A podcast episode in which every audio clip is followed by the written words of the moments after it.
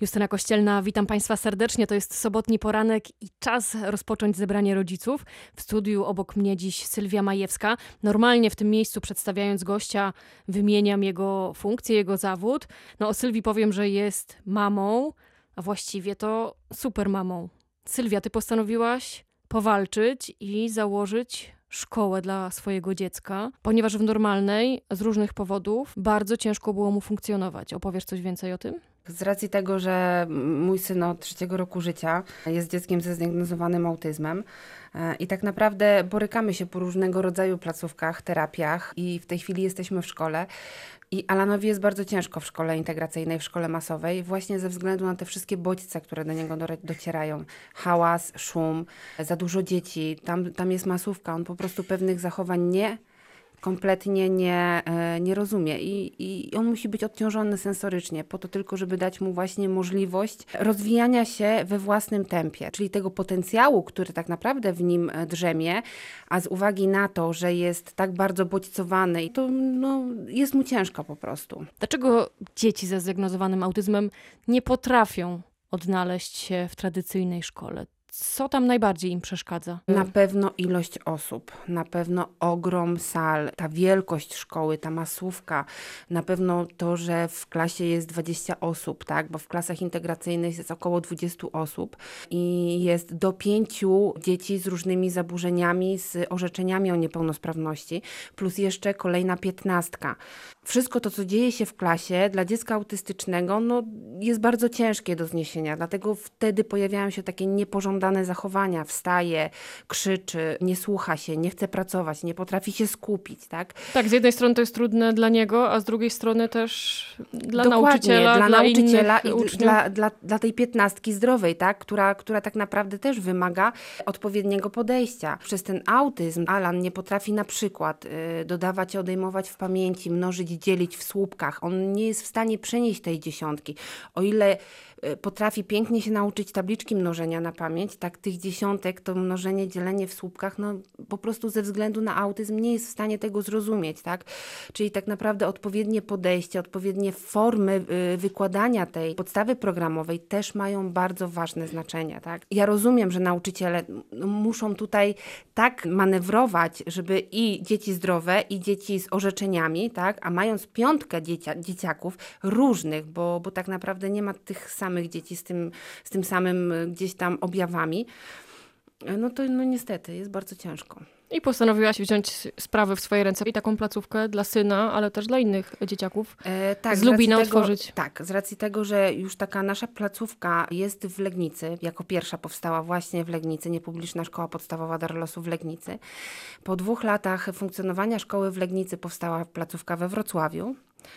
E, no i teraz po kolejnych latach, dzięki wsparciu również właśnie tutaj Urzędu Miasta, czyli tych osób, które zarządzają, e, widzą potrzebę, tak? Dlatego z racji tego, że tych dzieci coraz bardziej przybywa, ich jest coraz więcej, no otrzymaliśmy też budynek szkolny i możemy właśnie otworzyć od września bieżącego roku trzecią już w Polsce naszą placówkę, niepubliczną szkołę podstawową Darlosu w Lubinie. Czym ona się będzie różniła od takiej tradycyjnej szkoły, którą znamy? Na pewno tym, że nasze klasy są e, maksymalnie pięcioosobowe już wiemy w tej chwili, że grupa 4-5 osobowa bardzo fajnie ze sobą współpracuje. W zależności od tego, jakie będziemy mieli dzieci, te dzieci będą do siebie dobierane temperamentem, e, zaburzeniami, tak żeby... No bo nie ma podobno dwóch takich samych nie autystów tak na jak właśnie świecie. Jest, taki, jest takie jedno fajne powiedzenie, że jeżeli spotkałeś jednego autystę, to znaczy, że spotkałeś jednego autystę, tak? E, nie ma. I te dzieci muszą tak naprawdę, żeby dobrze dograć się tak jakby w klasie, muszą ze sobą współdziałać. Czyli dziecko, które jest krzyczące, nie może być z dzieckiem, które ma silne nadwrażliwości słuchowe, tak? Bo to już się, no niestety wyklucza. Maksymalnie pięcioosobowe klasy pozwalają na to, że dany nauczyciel po prostu jest w stanie tak zindywidualizować to podejście, tak poznać te dzieci, wypracować formy pracy, że to jest naprawdę, tutaj się rozwijają takie potencjały, te dzieciaki, te, które nie mówiły, zaczynają mówić, ponieważ są odciążone właśnie sensorycznie, nie mamy dzwonków, mamy mniejsze klasy, to wszystko jest dostosowane do tych dzieciaków. One szybciej się wręcz Właśnie każdy myśli, że nasze dzieci, jak będą w dużych grupach, będą szybciej się, się zasymilują, tak. dokładnie uspołeczniać, e, niż jak będą w małych grupach. A to nieprawda. Tak naprawdę nasze uspołecznienie zaczyna się od małego w jak najmniejszych grupach. Najpierw jest to rodzina, później powiększa się ta grupa, powiększa i powiększa.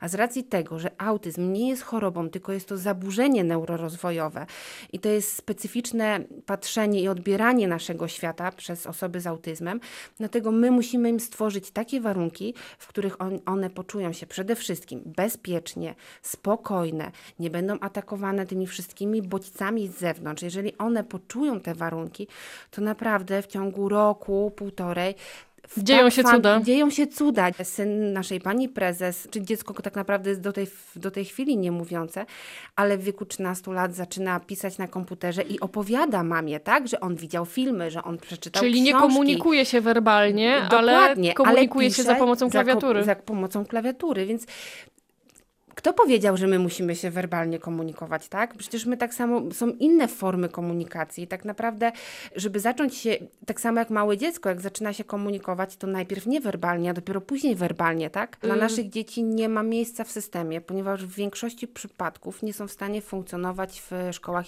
integracyjnych. Również nie powinny funkcjonować w szkołach specjalnych, bo specyfika zaburzenia, tam nie ma miejsca dla nich. E, I tak naprawdę ani tu, ani tu.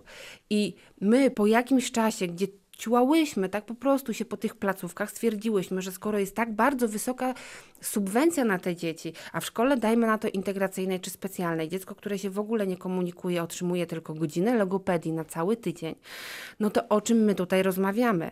U nas dzieci, oprócz tej podstawy programowej, czyli oprócz, oprócz edukacji, też mają tak dostosowany program terapeutyczny, żeby otrzymywały tyle logopedii, ile potrzebują. Jeżeli jest to 3 godziny tygodniowo, to one mają 3 godziny tygodniowo. Czyli jest po prostu Jeżeli- skrojone pod, pod ich miarę. Dokładnie, czyli całość jest tak zindywidualizowana po to, żeby naciskać na to, co one potrzebują, tak? Żeby, żeby też rodzic odbierając dziecko, bo same jesteśmy rodzicami, więc żeby rodzic odbierając dziecko po, dajmy na to, po, po ukończeniu tam szkoły, po godzinie 14, dziecko już miało pełną terapię i nie, żeby rodzice już też nie musieli jeździć i wydawać tych pieniążków na, na, na dodatkowe terapie, tak? Ja już od jednego terapeuty usłyszałam, że jest to worek autyzmu bez dna i nic się nie da zrobić. E, No ale Walczyliśmy, nie poddaliśmy się i, i, i dzisiaj jest na takim fajnym etapie, że jest, można powiedzieć, wysoko funkcjonującym autystą.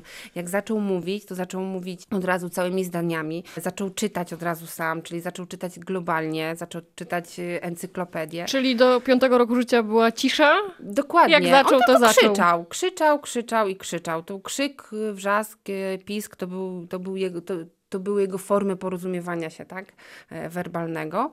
A później właśnie dzięki tym terapiom, dzięki tym stymulacjom gdzieś tam, e, no to wszystko ruszyło, tak, czyli można, tylko trzeba po prostu walczyć o te dzieci, trzeba działać, nie wolno się poddawać i, i szukać tej swojej drogi. I też właśnie dlatego chcemy powołać tą placówkę w e, Lubinie, żeby pomagać całym rodzinom, bo, bo niestety problem, który się pojawia w rodzinie autyzmu, to jest problemem całościowym, problemem rodziny, tak. I wy całym rodzinom, nie tylko dzieciom, ale tak jak powiedziałaś, całym rodzinom zamierzacie pomagać. Moim gościem była dzisiaj Sylwia Majewska ze Stowarzyszenia Dar Losu, które wkrótce w Lubinie otwiera mm, nową placówkę dla dzieci dotkniętych autyzmem. Dziękuję bardzo. Dziękuję. Ja już się z Państwem żegnam. Stery przejmuje Ela Osowicz i za chwilę w jej programie także o autyzmie. Zapraszam serdecznie w jej imieniu, a Państwu mówię do usłyszenia.